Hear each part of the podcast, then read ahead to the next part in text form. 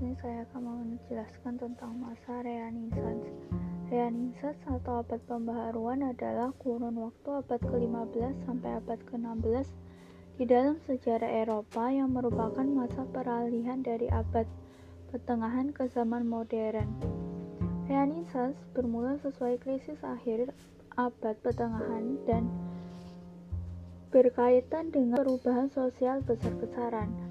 Perkembangan Renaissance bermuncul dari kesuksesan masyarakat Italia dalam mengelola bidang politik, ekonomi, sosial, dan budaya pada awal abad 15 Masehi.